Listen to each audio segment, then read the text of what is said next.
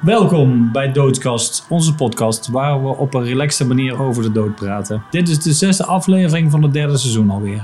Deze aflevering maken wij, Farida Lemouchi en Dalke Groenhagen, vanuit mijn nieuwe studio in Eindhoven. Vandaag hebben we hier te gast weer een Eva. Ditmaal is het Eva Rovers. Zij komt uit Eindhoven, maar woont in Amsterdam, is kunsthistoricus en auteur van biografieën van onder andere Boudewijn Boeg en Irene Krullenmuller. Helene Krullenmuller. Ja. Helene, sorry. Ja. Ook is zij klimaatactiviste en we willen onder andere met haar praten over haar bijna doodervaring en het einde van de wereld. De titel van deze podcast is vandaag. Eh, oh, ik ben het alweer vergeten. Nou ja, wacht even. This is the end of the world as we know it. It's the end of the Oh, world as we end, know it.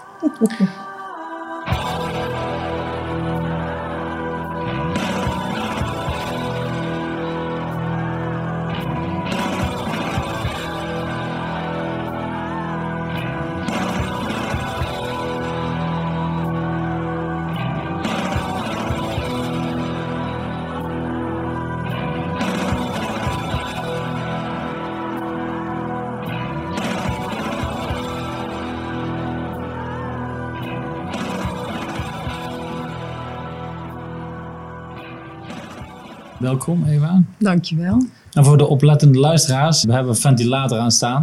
Dus dat hoor je een beetje op de achtergrond. We hebben eerder, zaten we in een koude kerk, toen moesten we een, eh, een kachel aan eh, hebben. En nu is het warm en nu hebben we een ventilator aan. We Dus kunnen maar- inmiddels ook niet meer zonder een ruisgeluidje gewoon. Nee, ja, het is gewoon menselijk allemaal. We proberen Ja. het ook maar gewoon een beetje normaal, te, Zo behagelijk te houden. Ja. Ja, fijn dat je bent. Helemaal Welkom, ja. ja. uit Amsterdam komen fietsen. Ja, jongen, eind. Het is even ver als met de auto. Dat is echt ver, hè? Ja. Je hebt dus eh, twee boeken geschreven over mensen die dood zijn. Klopt. Dat vind ik dan toch interessant. Hoe, hoe is het dan zeg maar om iemand zijn leven te reconstrueren terwijl hij niet meer is? Ehm, rustig. Oké. Nee, ja, je hebt gewoon een bepaalde afstand tot iemand. Dus eh, ik heb beide personen nooit gekend. Of Mhm. in ieder geval, eh, ik heb Boudewijn Buug nog wel op televisie gezien toen hij nog leefde. Maar nooit persoonlijk ontmoet. Mhm. En eh Helene Krullenmuller is in 1939 overleden. Dus die heb ik sowieso eh, nooit meegekregen. Ja, ik vond het altijd heel interessant om door de ogen van één persoon naar de geschiedenis te kijken. En om de mogelijkheid te krijgen om door iemands persoonlijk archief heen te gaan. Mhm. Ehm, in het geval van Helene Krullenmuller waren dat ruim 3000 brieven die zij gedurende 30 jaar had geschreven aan een eh 20 jaar jongere man, haar vertrouweling. Er zijn er 300 of zo per jaar Ja. of zo. Ja, echt gigantisch. Maar soms ook drie per dag. En soms 42 bladzijden lang. En hoe dan getypt? Nee, nou, in de laatste jaren af en toe getypt.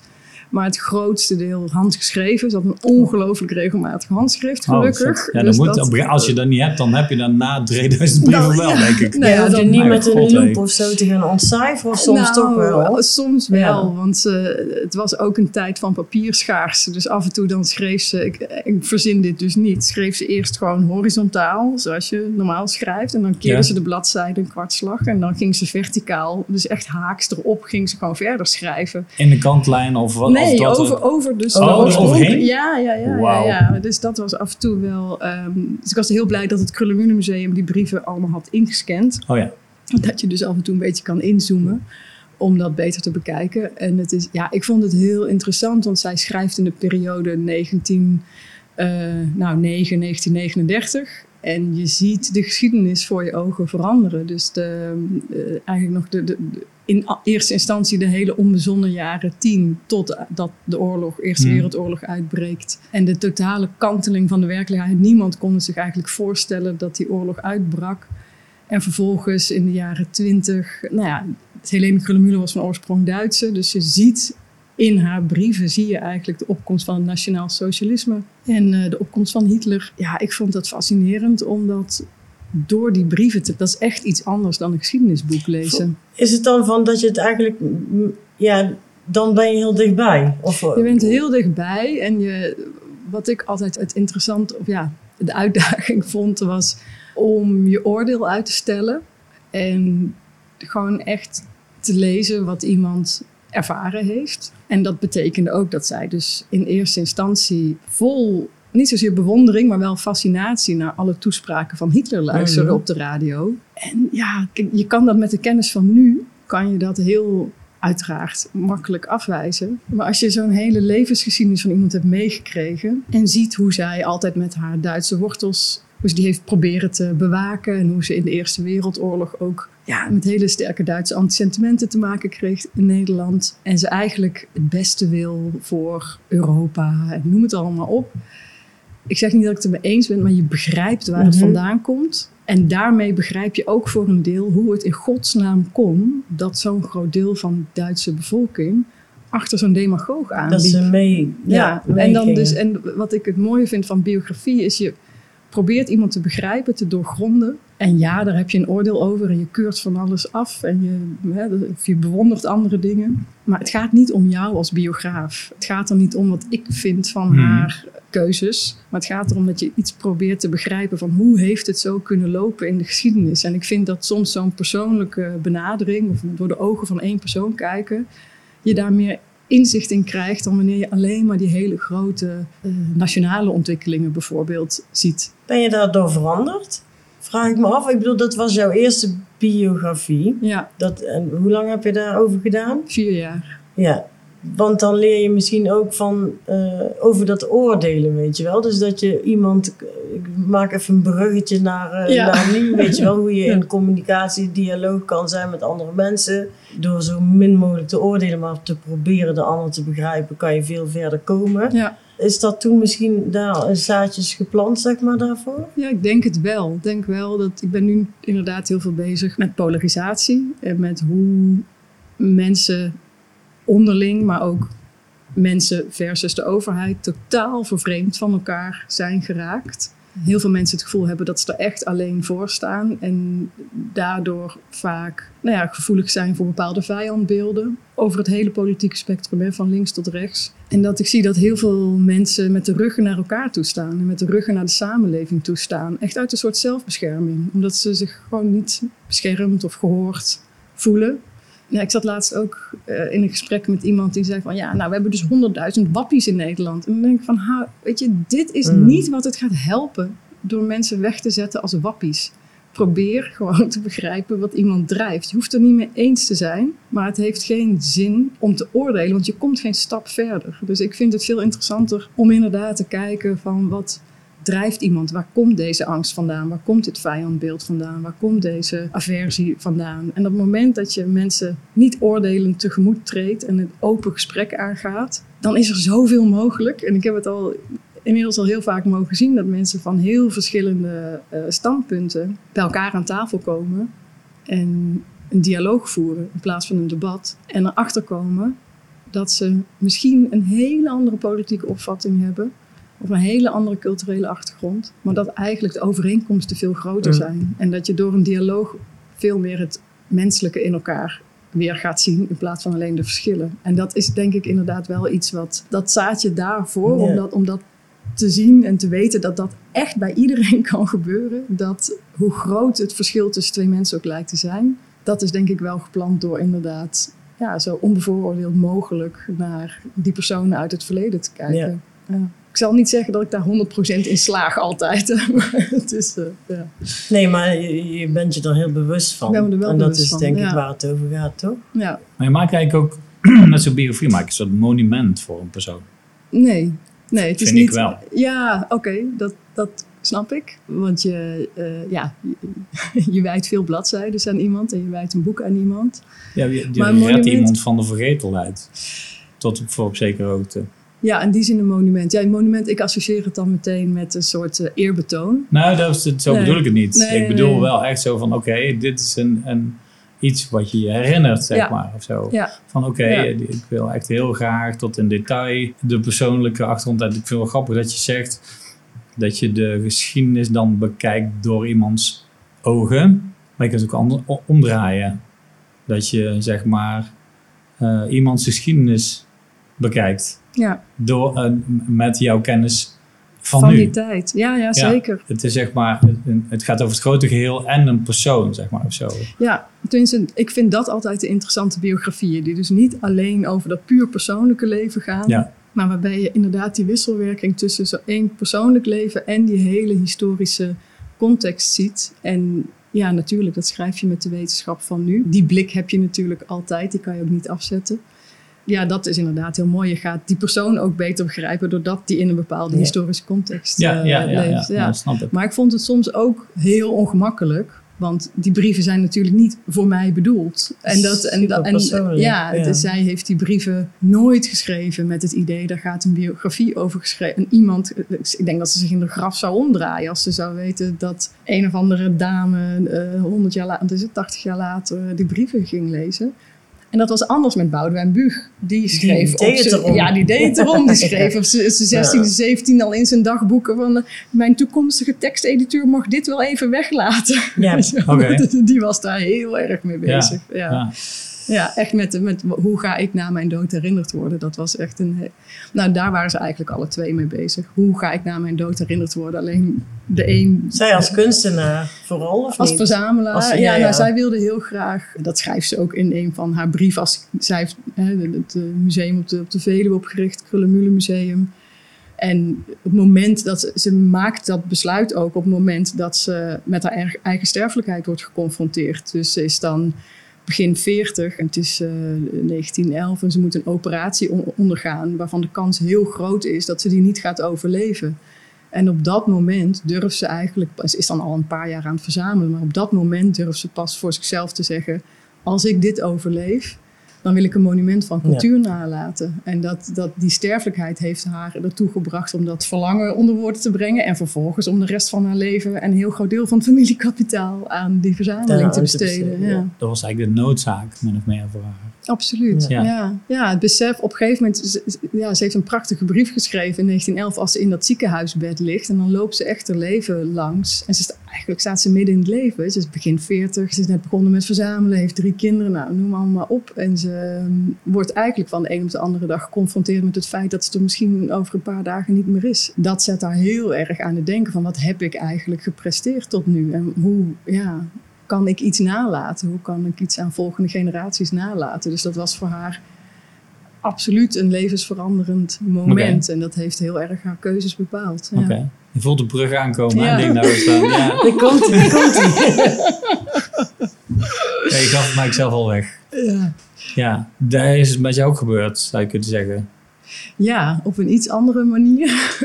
maar eh, ik heb inderdaad een, ehm, eh, ja, een, een, een, een- ja, hoe noem je het? Een, ik weet niet. Ik weet Ja, niet het is misschien niet een Ja. bijna doodervaring. Nou, het was wel een bijna doodervaring, maar, ik Maar- weet niet of het zo levensveranderend was Mm. als bij, als bij Krullenmuller, die echt heel concreet dan zegt van en nu ga ik de rest van mijn leven besteden aan het samenstellen van een fantastische kunstcollectie die honderden generaties na mij nog relevant moet zijn. Ik wil zo concreet was het bij mij niet. Nee, ik was, eh, wanneer was dat? 2002, is alweer is ook alweer 20 jaar geleden, Jesus. Met mijn eh, toenmalige vriend op vakantie in eh Maleisië. Hij had net een afscheidstour gehad en we hadden zoiets van, we willen zo ver mogelijk weg. We willen liefst op een onbewoond eilandje gaan zitten. Dus we zaten ergens op een onbewoond eilandje. En gingen op een gegeven moment ochtends zwemmen in de oceaan. En nou ja, stonden echt kniediep. En eh, een beetje aan het spetteren en doen, niks, eh, niks belangrijks. En op een gegeven moment zei ik, wat zijn de handdoeken ver weg? En dat hele strand, dat zagen we gewoon bijna niet meer. En op dat moment voelde ik dus ook niks meer onder mijn voeten. En waren we meegenomen door de onderstroom. En werden we heel hard eh, ja, de oceaan ingetrokken. Ja, wij probeerden alle twee terug te zwemmen, maar het was nou, totaal kansloos. En hij probeerde mij mee te trekken. En hij had dus door die... Hij is een drummer. Door die afscheidstoer had hij gewoon hele stevige onderarmen. Dus hij kon door die branding heen komen. En hij zei, ik, weet je, je moet meekomen. Ik trek je mee. En hij wou mij redden. Ik zei van, ja, als je dat gaat proberen... dan gaan we echt alle twee hier nu dood. Dus jij moet naar de kust. Jij moet hulp gaan halen. En hij is toen gaan, hij is uiteindelijk inderdaad door die branding heen gekomen. En ik werd alleen maar verder teruggetrokken. Was jij toen niet in paniek? Ja, Want dat was dus was het bizarre. rustig. Ja, het was, het was, ik werd meegetrokken en ik werd onder water getrokken. Ik werd echt, het was een soort centrifuge waar je in komt. Je weet niet meer wat boven en onder is. En op een gegeven moment word je weer omhoog getrokken. En dan word je echt door dat water uitgespuugd. En dan word je weer op het water geslagen. Word je weer naar beneden getrokken. En ja, het was een hele, hele ja, bijzondere ervaring. Ja, bijzonder dekt ook de lading niet. Maar Ik weet alleen dat ik iedere keer als ik onderkwam, dat ik dacht, als ik dadelijk boven ben, moet ik ademhalen. En iedere keer als ik boven was, voelde ik me gewoon helemaal één met alles. Met die golven, met de, de, de, de rotsen in de verte, met de tijd, met... I don't know. Het was gewoon een soort... Alles was oké. Het was heel erg goed. En ik, ik, er was geen gisteren of morgen of gevaar of... Nou, dat was niet op zichzelf, lijkt me dat best wel verontrustend. Nee, maar dat is het. Het is een dat spirituele Ja, ervaring. Ja, Zo verlicht zo, gewoon. ja, ja, ik ben wel, maar dat klinkt alsof je ik gewoon klaar om, tegen de rots om te gaan. Ja. Ja, het was een hele fijne ervaring. Mm. Het was een hele, het was heel, dat gevoel dat je met alles samenvalt, dus met de tijd en met ruimte en ja, dat is, ik zou het iedereen toewensen. Ja. Dat is gewoon heel bijzonder. En het bizarre was ook toen ik, want uiteindelijk heeft mijn vriend twee mensen weten op te trommelen die vanuit de hoeken van die baai naar mij toe zijn komen peddelen. En die hebben me op zijn bodyboard getrokken en uiteindelijk naar het, naar het strand gekregen. En ik was echt zo stoned als een konijn. Ik kwam echt op dat strand aan en ik had echt zoiets van, oh, het leven is mooi, mensen zijn lief. en is Natural high, ja. was echt ja, dat was, niet, dat was gewoon niet uit te leggen. Dat was heel. ehm, terwijl, en ik, ik ben niet bang geweest, ik, ben, ik heb geen paniek gehad. Maar dat is ook wat, precies wat me gered heeft. Want ik denk Hm. als ik had. Stress hebt. Dan was je ja. verdronken Ja, waarschijnlijk. dan had ik. Dan, Adem je ander water in of Ja. whatever. Ja, dus dit was, eh, dat, was heel, dat was heel bijzonder. En dat- ik denk dat wat ik er wel aan over heb gehouden, dat is inderdaad dat gevoel dat je gewoon heel diep verbonden bent met het leven. En met iedere vorm van leven. Dat ook met een golf. en Mhm. ook met bomen. En ook met het eh, getij. Of weet je, dat, het is allemaal een weefsel van het leven. En daar maak je, ben je gewoon een heel dun draadje in. En dat is, ja, tenminste, dat is het gevoel wat ik toen op dat moment had. Het kan ook gewoon de endorfine zijn geweest die loskwam. Maar dat gevoel heb ik wel, dat voel ik nog steeds. Ja. Het kan, onder- kan ook gewoon allebei zijn, toch? kan ook alle twee zijn. Zo, ja. zo, ik zie dat niet los van elkaar eerlijk gezegd. Ja. Dat je, ik bedoel, uiteindelijk wat ervoor gezorgd heeft dat je die ervaring hebt, maakt niet zoveel uit. Als die ervaring blijft hangen, dan is dat toch wat er overblijft. Zeker, ja, nee, het doet er ook. Nee, Ja, je het kunt is- daar heel ja. erg, eh, Ja. weet ik veel, eh, natuurkundig of chemisch analyseren wat het precies, eh, maar dat maakt helemaal niet uit. Nee, dat doet, nee, in die zin denk ik er ook, ik denk er ook nooit heel technisch over na. Ik denk, het, is, het voelt als iets wat Zo, gewoon heel, ja. ja. ja, wat onderdeel van jezelf wordt. Dus misschien toch wel levensveranderend. Ja, nou ja, als ik het zo hoor, denk Ja. ik, wauw, het is toch een hele bijna, of ja, dat kan je van alles noemen, maar spiritueel of goddelijk of, of heel grote ervaring. Ja, En eh, dat heeft Ja. jou gevormd voor ja een deel. het heeft voor een deel zeker. En, en ik denk dat het gevoel van verbondenheid, dat dat iets is Ja. wat, wat heel prettig is om te... Ik voel me ook nooit alleen. Ik voel me echt nooit alleen. En ik denk wel eens dat komt door die ervaring. Omdat je voelt dat je onderdeel bent van het leven wat, nou ja, wat voorbij jouw lichaam reikt, zeg maar. Het is... eh. Ja, je bent altijd onderdeel van het Ja, leven. ja, van het geheel. Ja, van het geheel. En, en ik heb later ehm, wel eens gezegd van ik voelde me een beetje die drie astronauten die in 1968 voor het eerst de aarde van buitenaf zagen Mhm. in de Apollo 8. En die foto, die hele bekende foto Earthrise maakten. Zij werden ook overvallen door een intens gevoel van verbondenheid met die Mhm. planeet. Dat ze Mhm. gewoon in één keer zo, weet je, ze waren helemaal op, op weg naar die maan, helemaal gefocust op de landen, op de, dat hè, een volgende missie op die maan moest landen. En ze letterlijk per ongeluk die aarde zien opkomen. En dat is uiteindelijk waar die hele reis over is Mhm. gegaan. En dat ze in één keer beseften van hier zijn wij onderdeel van. Wij leven op dit minuscule stukje in het universum waar al het leven zit. En waar, weet je wel, dat, die, en die verbondenheid met die planeten. Alles wat er, zij waren er ook van overtuigd als mensen deze foto zien. Dan houdt alle ellende op de wereld op. Want dan beseffen mensen dat er geen grenzen zijn. En dat ze allemaal broeders en zusters zijn op deze planeet. Mhm.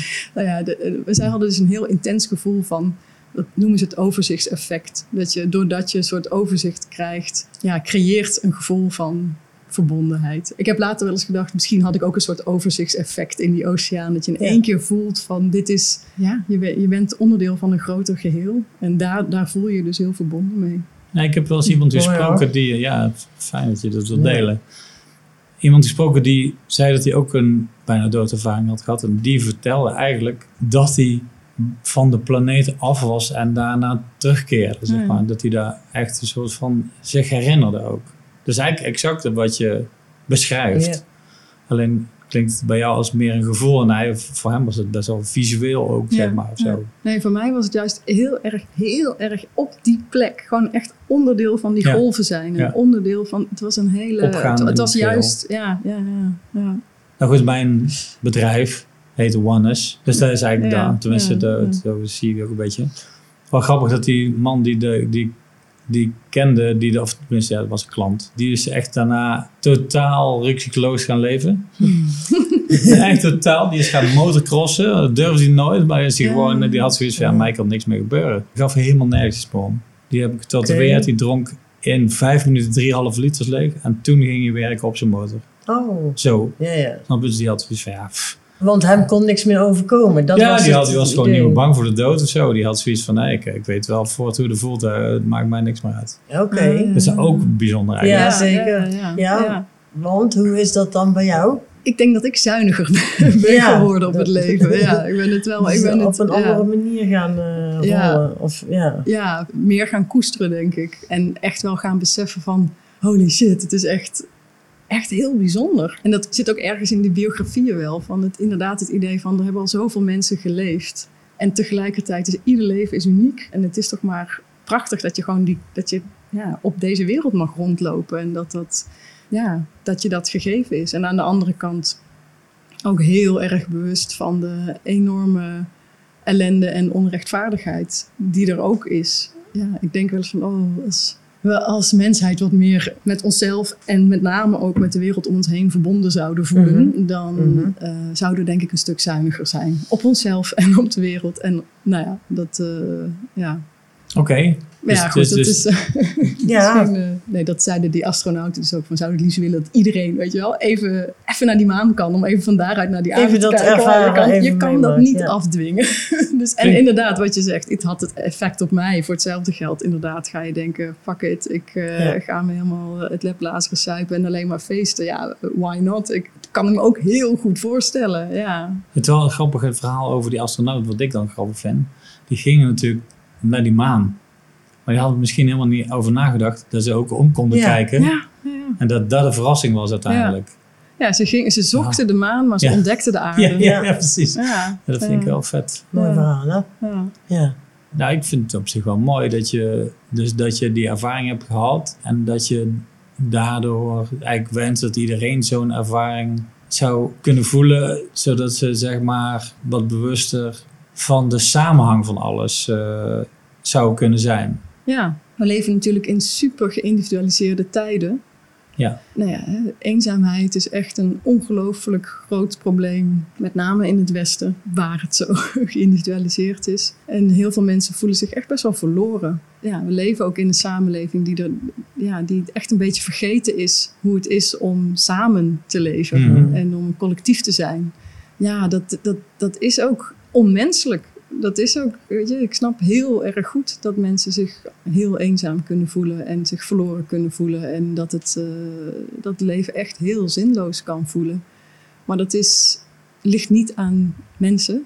dat ligt toch voor een heel groot deel ook aan hoe we onze samenleving ingericht hebben. En de, en de prioriteiten die we als samenleving stellen, die heel erg op het materiële zitten. Op de buitenkant. En Op de heel, maan. Ja, op de maan in die zin. Ja, ja, toch? ja, Ja. ja, En niet, eh, eh, en niet ja, op, het, op het, eh, het innerlijk leven. Ja, dat is zo zonde. Dus dat, ja, dat daarvan denk ik wel eens van... Oh, dit, ik, en ik zie het ook veranderen hoor. Ik zie nou, dat het, het hedonisme en het individualisme... dat steeds meer mensen daar echt wel hun bekomst van hebben. En dat er steeds meer collectieven zijn. En dat steeds meer mensen elkaar toch weer weten te vinden. Maar eh, ja, het is nog ontzettend, ontzettend dominant. Dus dat eh, ja, het zit in zo ontzettend veel. Dat individualistische en, Mhm. het, en, Ja. het, en het materialistische. Dat eh, ja, krijg je er ook niet in één generatie uit. dus dat, eh, Moet er nog hard voor werken, ja. ja. Dus je hebt die bijna doodervaringen. En dat doet dan dus iets met je. Maar ik kan me voorstellen dat... dat ik weet niet, kon je dat meteen plaatsen, zeg maar? Ook, ja, je hebt die ervaringen, je voelt je één met alles en dat is helemaal geweldig en je bent stoned. Mhm. Zeg maar, om eh, ook maar weer een bruggetje te proberen te maken naar wat je nu doet, waar, waar je je voor inzet. Zo, hoe, hoe, wat gebeurt er dan met jou? Ja. Nou ja, het is voor mij dus niet zo dat ik nadat ik uit die zee kwam dacht van oh, ik ga mijn hele leven omgooien en ik ga mijn leven nu in dienst stellen van een bepaald doel. Echt absoluut niet. Nee, weet je, dat was een, een hele intense ervaring. Maar ik denk ook dat er misschien toen iets geplant is of een besef wat later pas echt is Mhm. gaan rijpen. En wat, wat door andere ervaringen en door dingen die je leest en door dingen die je meemaakt en door met mensen te praten, noem het allemaal maar op, steeds meer is gaan rijpen en is gaan groeien. En dat ik nu, eh, ja, ik heb heel veel, nou, wat jij ben jarenlang, tien, elf jaar lang echt met die biografieën bezig geweest. Heel erg in de geschiedenis gedoken. En uiteindelijk rond 2016 best wel een, een omslag gemaakt in mijn schrijven en onderzoeken. 2016 was het jaar dat er allerlei klimaatrecords verbroken werden, die inmiddels allemaal al lang weer verbroken zijn. Maar de grootste hoeveelheid afsterving van koraal, van ijskappen, van nou, je kent het hele. En tegelijkertijd het jaar van Brexit en het jaar van Trump. En toen dacht ik, ja, ik vind die geschiedenis fascinerend en we kunnen daar ongelooflijk veel van leren. Maar de toekomst schreeuwt echt harder. En de toekomst heeft ons als mensen gewoon heel erg hard nodig. Dat we veel meer naar die toekomst gaan luisteren. En toen ben ik inderdaad gewoon heel erg gaan lezen over klimaatverandering. En ja, me wezenloos geschrokken. Ik bedoel, ik wist wel dat het erg was, maar ik wist niet dat het zo erg was. En toen ben ik ook wel steeds, ik ben, ja, met allerlei omwegen, maar dat is het niet. Maar uiteindelijk kwam dat gevoel van wat ik destijds in die oceaan had wel weer heel erg terug. Van we zijn knettergek als mensheid. Dat we gewoon, we zijn echt ons eigen leven naar de knoppen aan het brengen. En we doen dat wetende dat we doen. En dan echt niet de hele mensheid, hè, want het is een heel specifiek stuk mensheid dat dat doet. Het, eh, het rijke gedeelte van de mensheid heeft zo'n overconsumptie en vraagt zo ongelooflijk veel van die planeet. En vindt het zo geen probleem om heel veel dieren de dood in te jagen.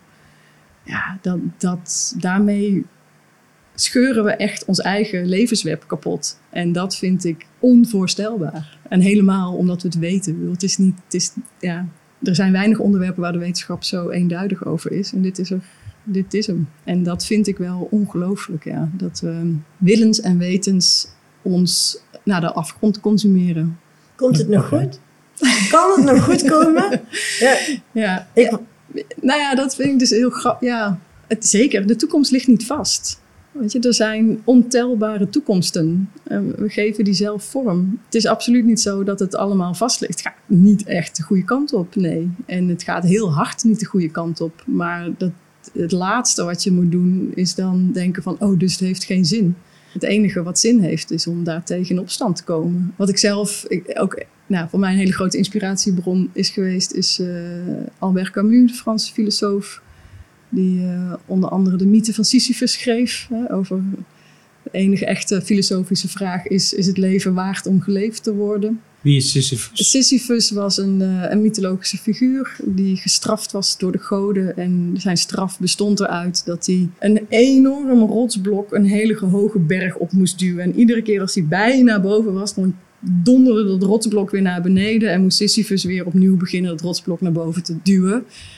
En Camus zegt dat is eigenlijk het leven. Je? dat is. En Weet je ook waarop waar die voor gestraft is? nee, durf ik zo niet te zeggen. Moeten we even Ik heb opzoeken. een vermoeden, het. ja. het even opzoeken. Ja, eigenlijk zegt Camus dus, weet je, we zoeken als mens constant naar een soort zingeving en een reden voor het leven. En hij zegt, ja, we kunnen er heel moeilijk mee omgaan dat we dat antwoord niet hebben. En dat er geen duidelijke reden is voor het leven, geen duidelijke zingeving. En hij zegt, en dan, daardoor kiezen mensen een van, vaak een van de twee opties. Ofwel de fysieke zelfmoord van het leven heeft geen zin, ik maak er een eind aan.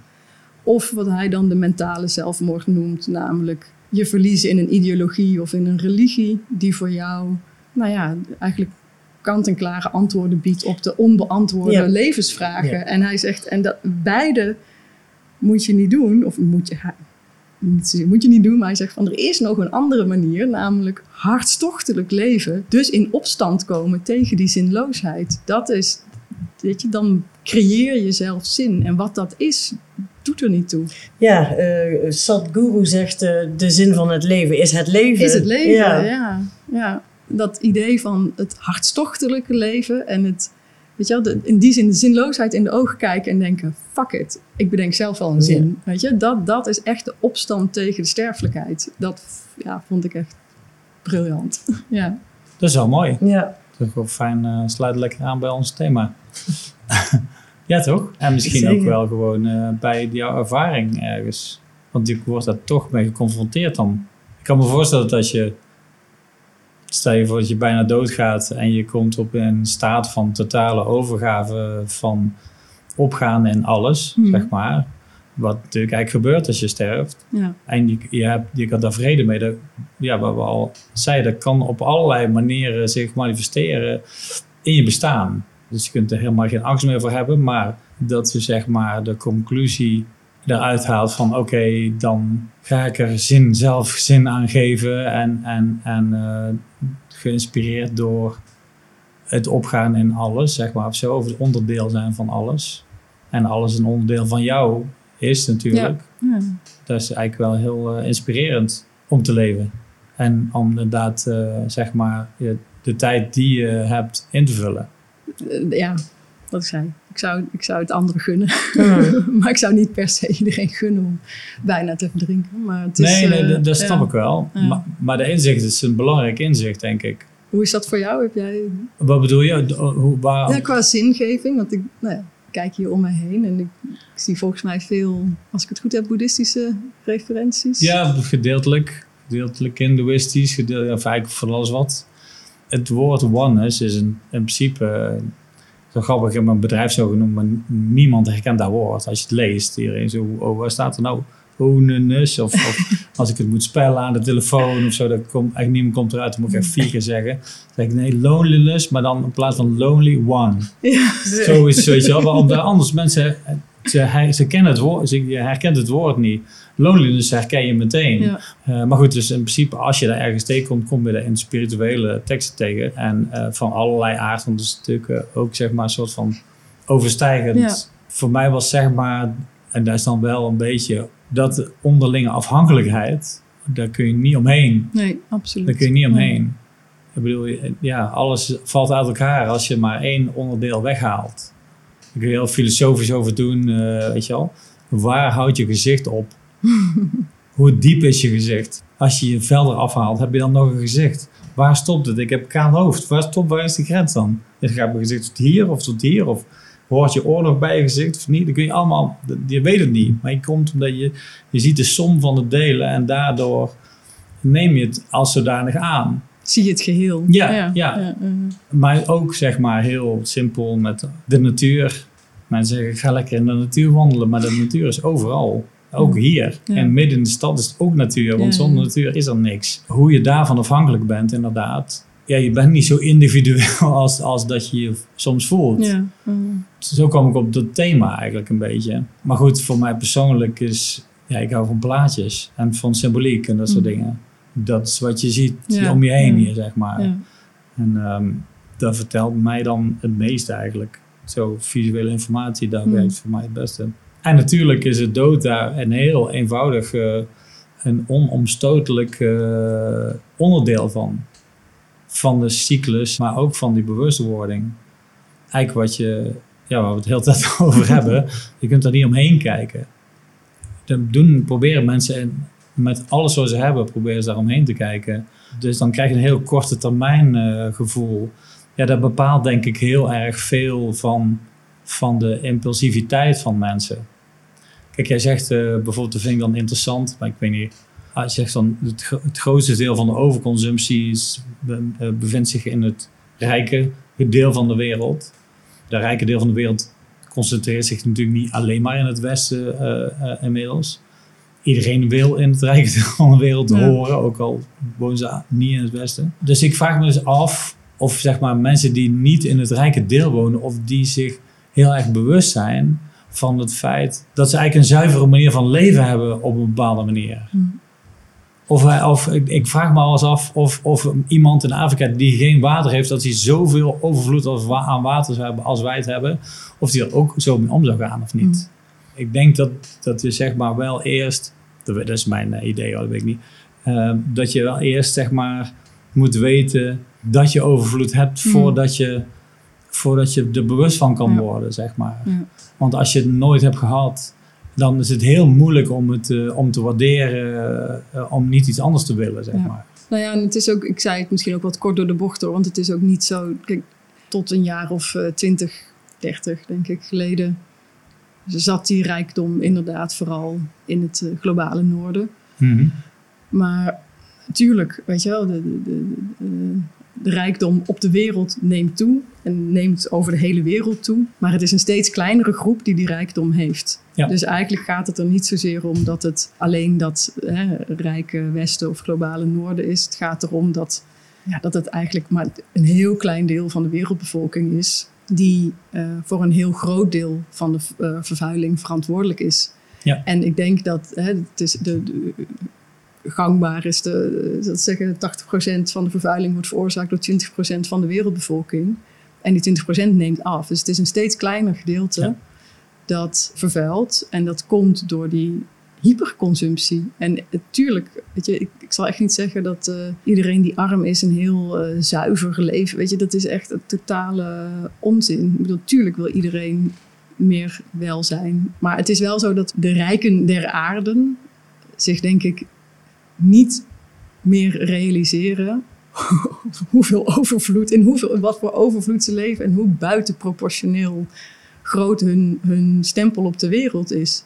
Ik vrees ook heel erg dat, hè, los van eh, de enorme ecologische destructie die plaatsvindt, dat het ook eh, dat de kloof tussen eh, de, ongelijkheid in de wereld neemt dagelijks toe. Zowel de hoeveelheid vervuiling als de rijkdom wordt door een steeds kleiner clubje veroorzaakt. En een steeds groter deel van de mensheid is, eh, is daar de dupe van, letterlijk. Mhm. En die, die twee, ja, dat is echt een ontzettend giftige cocktail. Ja, het is een ontwikkeling eigenlijk. Ja, het is een ontwikkeling. En, en, en op die manier zorg je eigenlijk als. eh, ja, zijn er, is het toch wel vooral die, die hyper overconsumerende eh, kleine groep. die ervoor zorgt dat de rest van de wereldbevolking ongelooflijk te lijden heeft onder klimaatverandering, onder afbreuk van soortenrijkheid, onder eh, toenemende droogte, extreem weer, noem het allemaal maar op. En dat, los nog van dat dat moreel verwerpelijk is, dat, dat gaat tot ongelooflijk veel conflicten en, en ellende leiden. Dus er zijn heel veel redenen waarom je daar daar iets tegen wil doen. En ik moet ook altijd heel erg lachen om mensen die nou ja, zeggen dat ze niet zoveel met klimaatverandering hebben, maar wel alle migranten buiten Europa willen hebben. Ik denk, nou, als je alle migranten buiten Europa wil hebben, dan moet je echt als de sodemieter werk gaan maken van klimaat. Weet je wel, zorgen Hmm. dat de klimaatverandering ophoudt. Dit is gewoon reden nummer één Hmm. waarom mensen hun land moeten ontvluchten. Dus dat, ja, daar zit een ontzettende cognitieve dissonantie, denk ik wel eens. Maar goed. Ja, die cognitieve dissonantie denk ik ook dat die heel erg, eh, heel erg wijdverbreid is. Ja. Zeg maar. dat, de, dat de mensen de consequenties van wat ze in impulsiviteit besluiten eh, helemaal niet overzien, wordt ook heel erg weggehouden, denk ik, van, van, de, van, van je, zeg maar, of zo. Ja. Nou ja, we, zien, we beseffen de consequenties van onze acties heel vaak niet. Ik bedoel, het is niet voor niks dat het heel moeilijk is om veel materiaal uit slachthuizen te krijgen. Ik bedoel, Hmm. Iedereen die één keer in het slachthuis is geweest, die eet geen vlees meer. Weet je? Net als dat iedereen die één keer heeft gezien hoe kinderen in Bangladesh onze t-shirtjes van de Primark of van de duurdere merken overigens maken. Ja, weet je, die, die, die willen, die, wil je dat soort kleren niet meer. Maar het wordt allemaal van ons weggehouden. En je moet echt je best doen om erachter te komen. Nou, je best doen inmiddels is er natuurlijk Mhm. heel veel te vinden, maar je moet er naar op zoek. Bedoel, Is het tegenwoordig ook niet zo dat eh, heel veel mensen het gewoon wel weten, maar het liep maar Tuurlijk, maar dat is, die, dat is ook die cognitieve... Dus tuurlijk weet je het. Je, je moet inmiddels echt wel onder een rots leven, wil je Als dat je niet meer niet weet, weten. ja. Nee, maar daar zit een gevoel, en da- daar vind ik ook echt een probleem van onze samenleving zitten. Het gevoel van, ja, wat kan ik daar nou als individu aan doen? Mhm. Weet je, we schieten meteen weer in de individuele reflex. Oh ja, wat maakt het uit dat ik dan niet meer eh, fast fashion koop? Of wat maakt het uit dat ik toch geen, dat ik geen vlees eet? Of dat ik niet meer vlieg? Weet je, dat is toch een druppel op een gloeiende plaat. Voor een deel klopt dat, maar voor een heel groot deel ook Ja. niet. Ik bedoel, je meest effect, als je bezorgen maakt over klimaatverandering, het meest makkelijke wat je kan doen is gewoon ophouden met vlees eten. Dat scheelt gewoon ongelooflijk veel. Bovendien heb je gewoon, zorg je er ook voor dat het genormaliseerd wordt. Dat je niet iedere dag vlees eet. En dat je laat zien van, oh, je kan best een gelukkig leven hebben zonder vlees te eten. Maar het is absoluut waar dat je uiteindelijk... We moeten uit die individuele reflex. Je moet gewoon beseffen, je moet dit inderdaad als samenleving aanpakken. Je moet dit collectief aanpakken. En dat doe je volgens mij pas als je beseft dat je dus inderdaad ook collectief levens in de waagschaal stelt. En dat je dus collectief het heel veel ellende wilt voorkomen voor iedereen. Dus, dus door uh, wat we nu al zien, de, niet alleen de mislukte oogsten op heel veel plekken in de wereld, de toename van extreem weer, maar gewoon steeds dichter bij huis, de bosbranden. Het, het had sinds 13 mei, dat, wat was het, niet meer geregend in Nederland. Die effecten komen nu steeds dichterbij. En ja, nee, dat jij individueel je tuintje niet besproeit, maakt misschien niet zoveel uit. Maar als we dat nu gezamenlijk niet meer doen, dan gaat het dus wel heel veel verschil maken. En dat gezamenlijke, dat moeten we echt weer opnieuw leren. Ja, ik wou zeggen, want er is dus geen gevoel van, van gemeenschap. Of van, van, tenminste, voor een deel. Tenminste, ik... ik denk dat, dat best wel veel mensen er behoefte aan hebben. En je ziet ook tegelijkertijd, er, dus, poppen overal energiebuurtschappen en commons en, en gezamenlijke uh, voedselbossen en weet ik veel. Of mensen die gewoon met de hele straat zonnepanelen aan, whatever. Weet je, er gebeurt natuurlijk van alles. Het probleem is ook wel dat we het heel vaak gewoon niet zien. Nou ja, dat, dat is zei je. Uh, ik woonde onlangs een, een leuk ding. Ik weet niet hoe ik dat moet noemen, maar eigenlijk een soort theater, half lezing, uh, educatief in het parktheater bij. En daar was jij ook een onderdeel van. En toen zei je, dat, dat, dat legde je de nadruk op van er is van alles. Ook in Eindhoven, ze noemden de hele tijd initiatieven die plaatsvonden in de stad. Maar inderdaad, er, er nog nooit van gehoord. Dus het is niet zichtbaar. Of een heleboel is niet zichtbaar. Er is een heleboel niet zichtbaar. En dat maakt dat we heel snel denken van ja, er gebeurt niks. En mensen denken alleen maar aan zichzelf. En Weet je wel, het, is, uh, het is allemaal verschrikkelijk. Nee, er gebeurt van alles. Alleen er wordt heel weinig over geschreven. Er is heel weinig aandacht voor in de media. Want als het goed nieuws is, dan is het geen nieuws. Dus dat, dat is heel erg problematisch. En natuurlijk, maar en als het slecht nieuws is, dan willen mensen het eigenlijk liever niet horen. Wordt het maar worden er, worden, wordt er wel vaker op geklikt en worden er ook meer kranten verkocht blijkbaar. Dus er zit toch een soort neiging naar het, hè, naar het slechte nieuws. Maar ik, ja, en ik, zeker als het over klimaat gaat, ik denk dat dat ook heel lang een verhaal terecht is geweest van, van doom en gloom. En we gaan, uh, ja, we, we racen keihard naar de afgrond toe. Maar er is zo ongelooflijk veel mogelijk. Alle grote veranderingen uit de geschiedenis hebben wij gewoon als gewone inwoners voor elkaar gekregen. Dat slavernij werd afgeschaft, dat vrouwstemrecht kregen, dat we weekend hebben, dat we de, uh, terugdringen van, van ongelijkheid. Noem het allemaal op. Ik zeg niet dat het allemaal perfect is en dat we klaar zijn.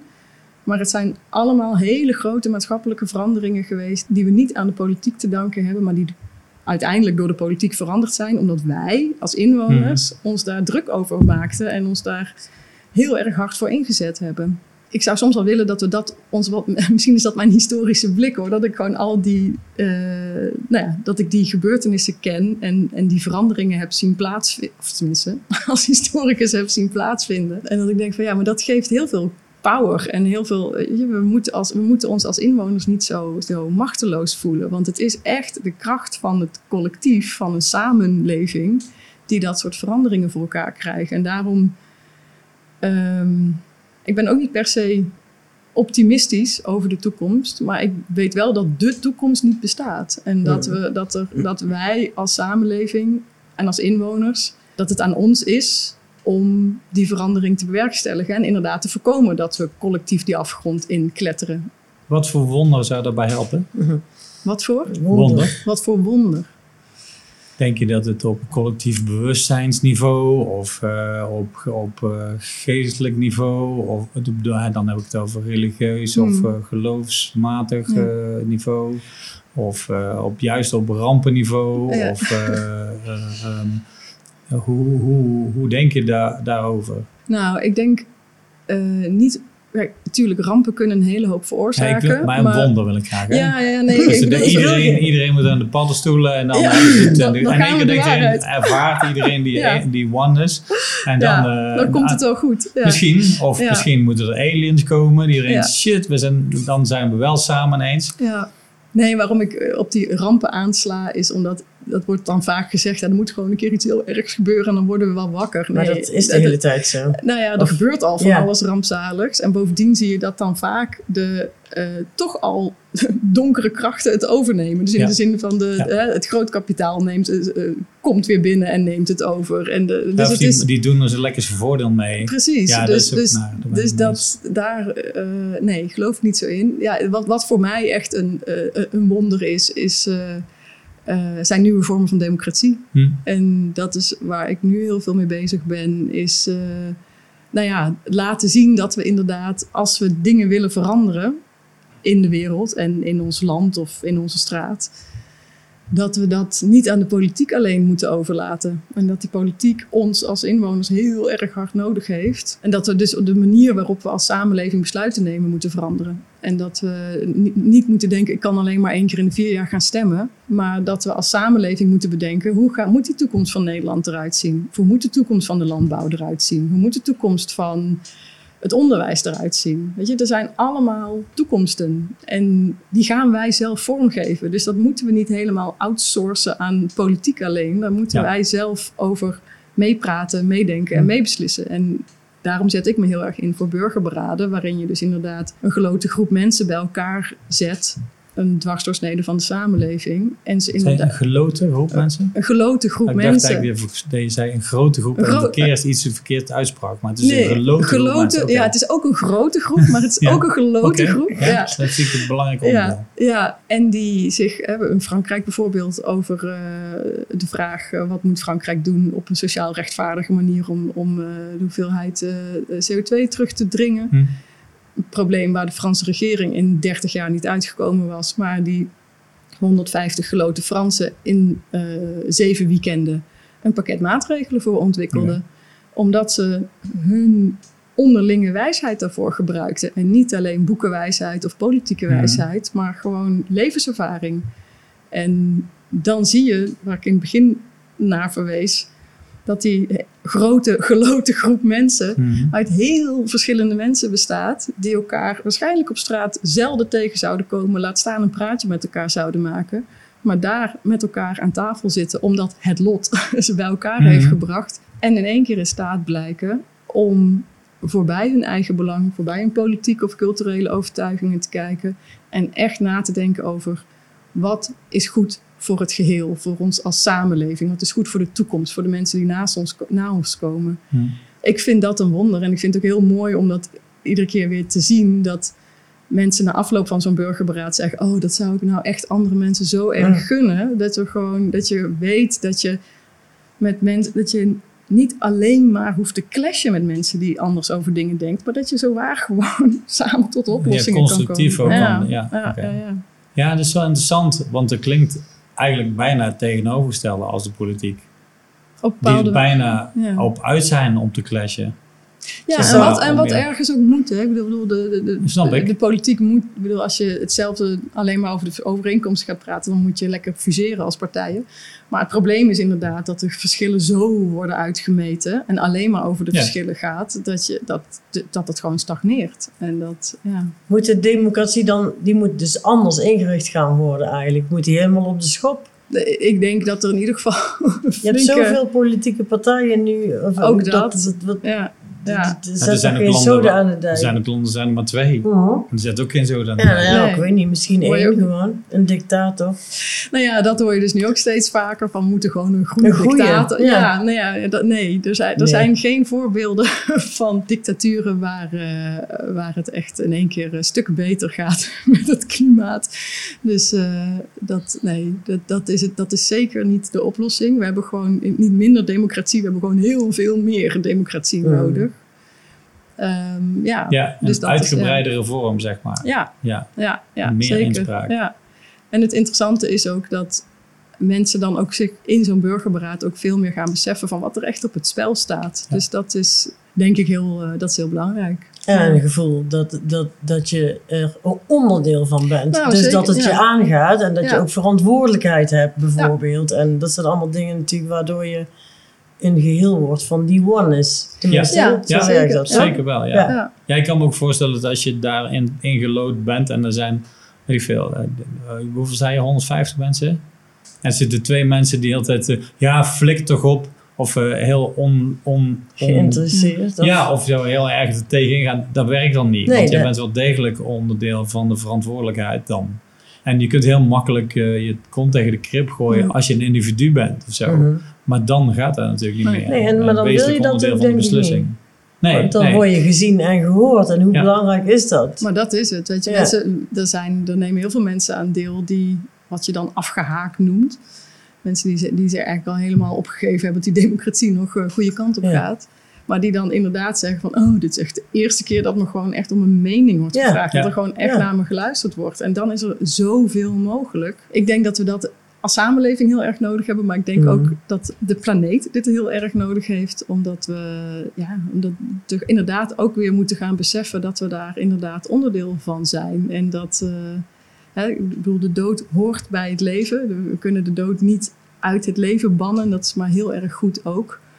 Maar soorten en uiteindelijk de mensheid eh, eh, onnodig te gronden richten, dat is misschien weer het andere ja, uiterste. Weet Ja. je? Dat is, ja, dus de, ja, in die zin ook, denk ik, mensen ook weer laten voelen van je bent onderdeel van die hele bijzondere planeet.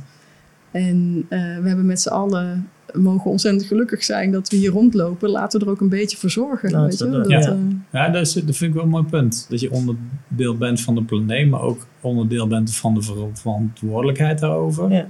En een uitgebreidere democratie kan je dat gevoel wel geven. ja, Dat kan ik heel goed volgen. ja. Laatst zag ik iemand de Albert Heijn inlopen, of twee mensen, en die zei: Nee, die moeten niet vatten, dat is allemaal biologisch, jongen.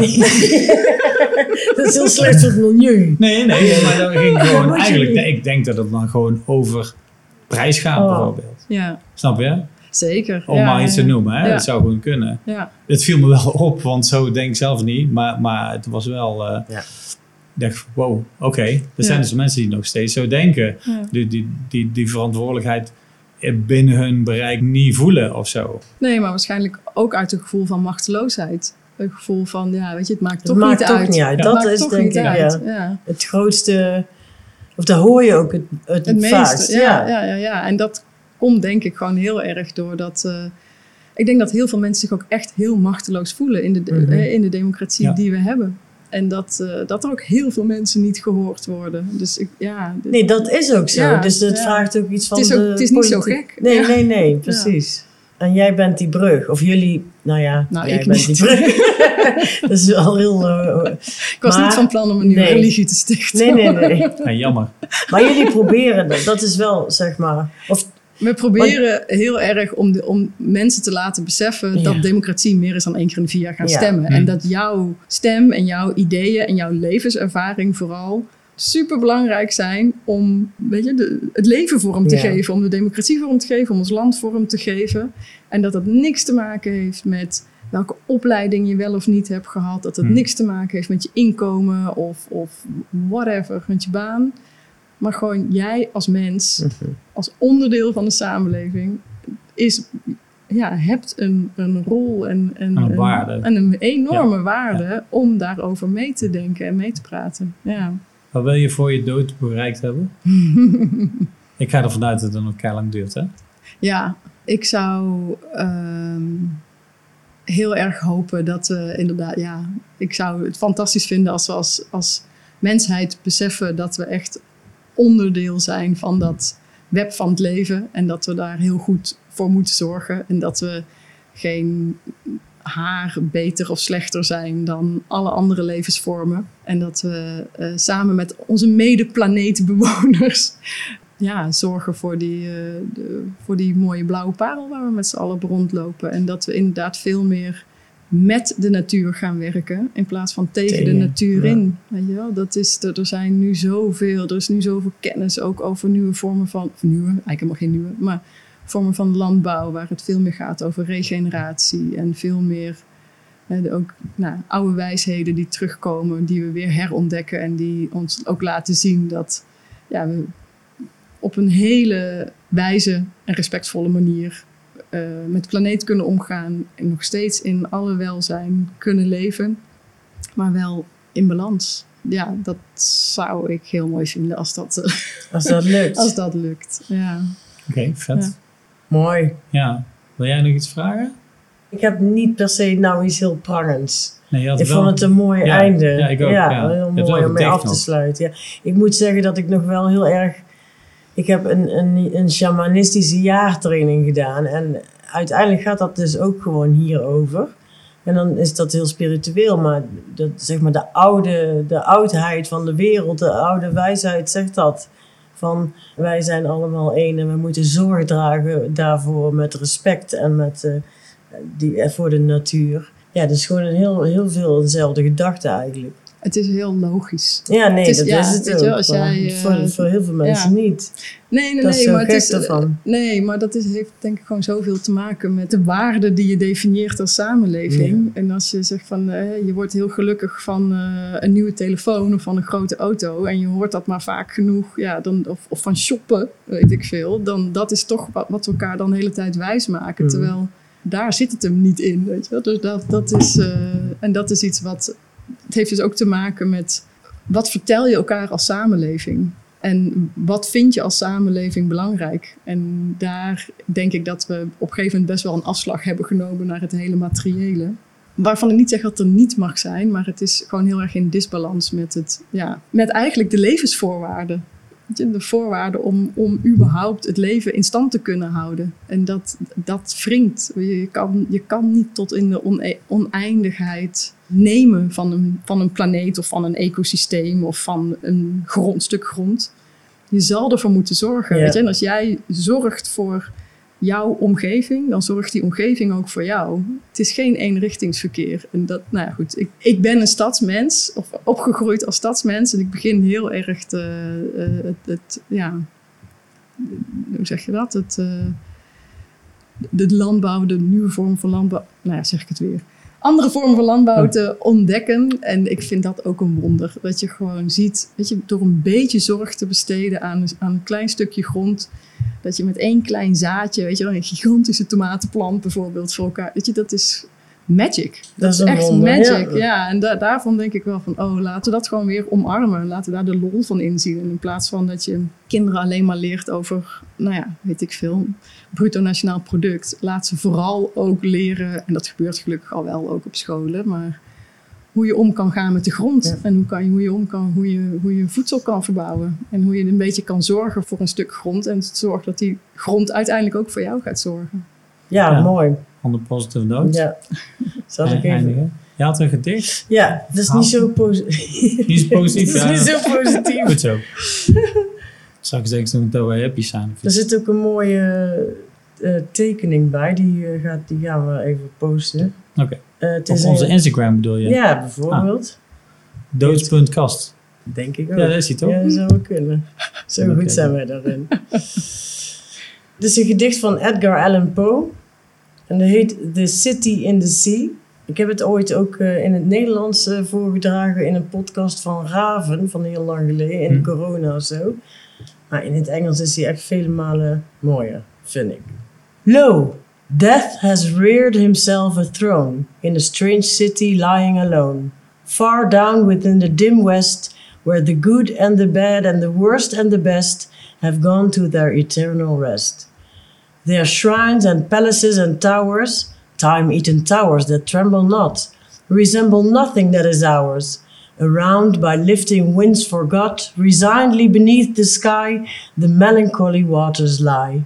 No rays from the holy heaven come down on the long night time of that town, but light from out the lurid sea streams up the turrets silently, gleams up the pinnacles far and free. Up domes, up spires, up kingly halls, up fanes, up Babylon like walls. Up shadowy long forgotten bowers of sculptured ivy and stone flowers. Up many and many a marvelous shrine whose wreathed friezes intertwine. The viol, the violet, and the vine Resignedly beneath the sky, the melancholy waters lie. So blend the turrets and shadows there, that all seem pendulous in air. While from a proud tower in the town, death looks gigantically down. There open fanes and gaping graves yawn level with the luminous waves, but not the riches there that lie in each idol's diamond eye, not the gaily jeweled dead tempt the waters from their bed. For no ripples curl, alas, along that wilderness of glass. No swellings tell that winds may be upon some far off happier sea. No havings hint that winds have been on seas less hideously serene. But lo, a stir is in the air, the wave, there is a movement there, as if the towers had thrown aside in slightly sinking the dull tide, as if their tops had feebly given a void within the filmy heaven, the waves have now a redder glow. The hours are breathing faint and low, and when, amid no earthly moans, down, down that town shall settle hands, hell, rising from a thousand thrones, shall do it reverence. Dat moet ik een keer nalezen, denk ik. Ja, is- En wat betekent die voor jou? Eh, ja, dat is volgens mij het einde van de wereld, zo'n beetje. Die apocalypse. Dood en verderf, maar wel heel poëtisch. Want ja, dat, dat, dat is een soort van het einde, denk ik. Zo zag ik het voor me. Dus alle pracht en praal van de hele wereld zie je eh, aan je voorbij gaan. En dat was het dan. En versteend. Ja. Ja. Ben je er bang voor? Hmm. Ik ben, ja, nee, dat weet ik eigenlijk niet. Dat is een goede vraag. Ik ben niet bang.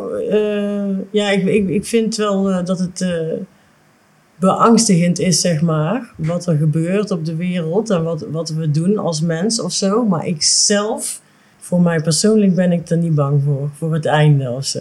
Maar je maakt je zorgen om... Ja, ik kan Ja. me wel zorgen maken, ja, daarover. Ja. Ik zou willen dat iedereen wat beter omging met eh, alles om zich heen. Hmm. Ik denk dat dat, en niet alleen de, de hoe noem je dat, ook met de mensen, zeg Ja, maar. Hè? ja. Dus met alles, ja. Ik denk dat het dan een heel stuk fijner zou zijn voor iedereen. Ik zit ook te denken. Ik denk dat ik het meest bang ben voor pessimisme. Om- Als mensen met allerlei ingewikkelde conspiracy-theorieën bij me aankomen, dat vind ik allemaal prachtig, hè? Mooie verhalen en weet ik veel wat. Maar de- ja, ik moet altijd zeggen van ja, sorry, dat kan ik, ik kan er niet in meegaan. Want ik heb kinderen. Hmm. En die kan ik daar de doem van de, het, het gedoemde van de wereld niet verkopen onder het mond van we kunnen er toch niks aan doen. Dat wil ik niet. Ik wil ze iets vertellen. Maar als ik daar uitstraal, dan gaat dat niet goed. Dus da- daarmee help je niks of niemand. Ik denk wel overigens dat, dat er voor iedereen iets te doen is. Maar ik, ik denk dat het heel moeilijk is dat voor iedereen om alles te doen. Dat kan ook niet. Nee, maar ik bedoel te Nee. zeggen dat ik geloof wel heel erg in, in je talent, zeg maar, Mm. of zo. En wa- wa- misschien... Wat je bijdrage kan zijn, Ja. bedoel je. Ja. Ja. Ik kan goed zonder auto. Ik leef al mijn leven zonder auto.